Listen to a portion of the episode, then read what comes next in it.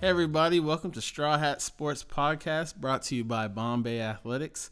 In today's topic, we're going to be talking about why LeBron James will not be going to LA this summer. All right, my name is Ricky Smith. I'm here with my man Anthony King behind the scenes, man. Um, as you guys all know, the Cavaliers are currently down three to two in the Eastern Conference Finals. Uh, my question to you guys is, where's LeBron James going if, and I say if, he loses uh, the series to the Boston Celtics. Uh, there's been plenty of speculation that he's going to end up with the Los Angeles Lakers, Philadelphia Sixers. There's even crazier ideas that he's going to end up in Houston or even Golden State with the powerhouse that they already are. Do you guys think that's true? Because, in my opinion, I think that if he goes down tonight um, in the Eastern Conference Finals, he will end up in Philadelphia and not Los Angeles. I know Los Angeles seems like the more likable spot. They got the young players, they got the um, the scene, this limelight. But in my opinion, I don't think LeBron's all about that. All right, uh, and this is why I feel this way. I mean, LeBron's not big on um, following people's footsteps. He's not big on being the second of the franchise, being the um, coming second place to anybody. I mean, you have to be a really, really special player to do that. Not saying LeBron isn't, because I mean, obviously, we know he's the best player in the world, the universe, and the galaxy, and everything in between that. But you kind of have to have some type of uh, killer instinct mentality to just follow suit with somebody else's footsteps. We saw in uh, L.A. with Kobe Bryant. You know, he comes from a franchise with dozens of dozens of superstars, Hall of Famers all the way from Magic Johnson, James Worthy, Kareem Abdul-Jabbar, um, all these multiple championship dudes. Um, and he went in there thinking, you know, I'm going to be the best one ever came out of it, you know. So, uh, you know, I don't think LeBron is necessarily built for that type of footsteps. I mean, we saw him go to Miami, where it was kind of relatively new um, in terms of franchise championships. Well, I mean, we saw Dwyane Wade win a championship in 2006, but at the same time, we never thought as Miami as like a a global franchise somewhere like to hang your head on. The franchises that we usually hear, Boston, LA, and between the two franchises, they got 33 championships overall. So they've been dominating the NBA since as far as uh, the merger happened between the NBA and the ABA.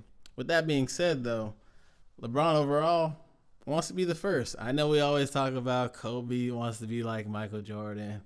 Kobe emulates Michael Jordan. Kobe stole Michael Jordan's moves. But in reality, it's LeBron who's taking over Michael Jordan's uh, type legacy. I mean, shoot, he even wears the same number with 23. Um, Michael Jordan goes to a franchise um, without any superstars. As a matter of fact, he got drafted to this franchise and refused to play with anybody who was even as close to him in stature or ability or talent or anything like that.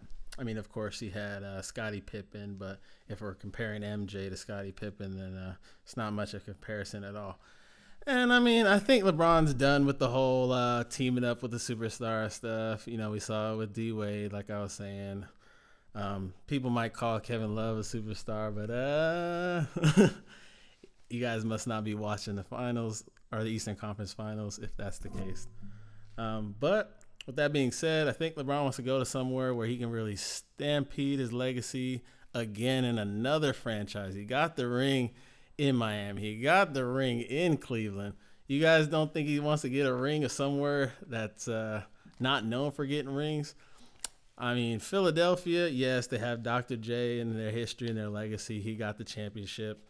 Um, Allen Iverson at one point took the Sixers to the finals against the almighty Kobe Bean Bryant, you know, my favorite player. Um, that's neither here or there.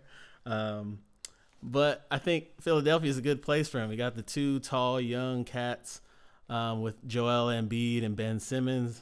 Ben Simmons is just a freak of nature big point guard, Joel Embiid, almost unstoppable in the post.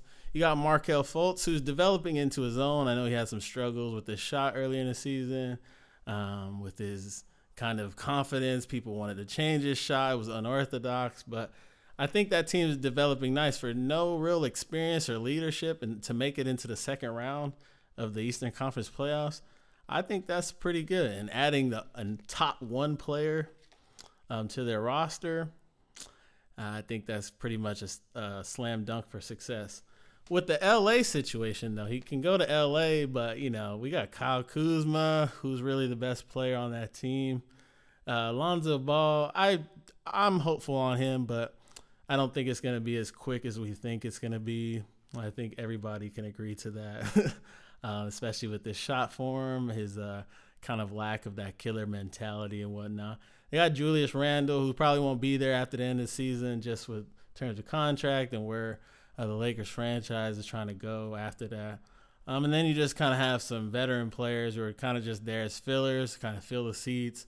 Isaiah Thomas, highly like unlikely that he'll be there after the season's over. So uh, this kind of uh, some of my points of why I don't think LeBron's going to LA. He got the home in LA. Yes, he visits LA a lot, but I mean, it's LeBron James. He can afford a house anywhere he wants to go. I mean, you know, he Philadelphia. Yes, it's not very flashy. I've been to Philly. It's not very like, you know, tourist size. Yeah, you got the Liberty Bell, but other than that, I mean, it's a ground and pound city. The whole state of Pennsylvania, really, Pittsburgh, Steel City, stuff like that's very blue collar, very uh, hardworking people. Just not very a vacationy type spot. And I think that's why he'll end up in Philadelphia because I mean he could just focus on basketball for the next five years. I mean it's likely that you know he's not gonna play into his forties. He's probably gonna retire close to you know 38 or something like that in five years, uh, whatnot. He could be the best player on his team until he retires. We haven't really been able to see say that with uh, any other player like ever really um, that they've been the best player on their team up until the moment they retired. I mean, maybe MJ, but uh, maybe Kobe. Even though I'm a Kobe fan, those last few years of his uh, career were kind of rough, and uh, LeBron just physically built better, so he can be the best player. He doesn't have to team up with any superstars, or I shouldn't say superstars, but uh, people that are on his level. Um, as we all know, I don't think Ben Simmons or Joel Embiid are kind of in the tier category with LeBron James. LeBron James is not going to pull a Kevin Durant. He's not going to join up with um, a 73-1 team. He's not going to pull a Paul Pierce and recruit um, one of the best power forwards in the game, and Kevin Garnett, as well as one of the best three point shooters ever in Ray Allen. Um, but if you guys disagree, uh, feel free to hit me up on my Twitter account at Ricky Bombay. That is at Ricky Bombay. Let me know your thoughts, your opinions, even on the podcast overall. Um, tell me what you think. Do you agree? Do you disagree? Where do you guys think LeBron James is going to end up? Because I got my money on Philly, but uh, as we all know in the NBA, uh, you can end up anywhere in the matter of a second. But my final point, as I was alluding to earlier about him wanting to be the first or him not following people's footsteps, is that LeBron James is not going to follow to LA because of the almighty Kobe Bean Bryant. And if you guys don't know, Kobe Bryant is my favorite player in the history of all time out here, man. This is the five time champion, the two time finals MVP, the 18 time All Star, the four time NBA All Star MVP, 11 time NBA first team, nine time NBA All Defensive first team. Man, we out here. And don't forget, he was the 1997 dunk contest champion. That's all that really counts, man. If you don't got a dunk contest champion, you ain't doing nothing. So LeBron, step your game up, man. We want to see you in the dunk contest. So uh, that's uh, that's that's what I got to say out here. So follow me on Twitter at Ricky Bombay. Uh, feel free to shoot me a message, your thoughts, your opinions, uh, what you agree with, what you disagree with. I promise I won't get my feelings hurt or or cry or go sit in the corner, man. This is all about growth, uh, hearing people's different opinions on sports. This is uh, just you know fun and uh, good conversations. Hard to uh, do that nowadays, especially how the world is. So yeah, so uh, hit me up at Ricky Bombay. All right, everybody, enjoy your evening. Thanks.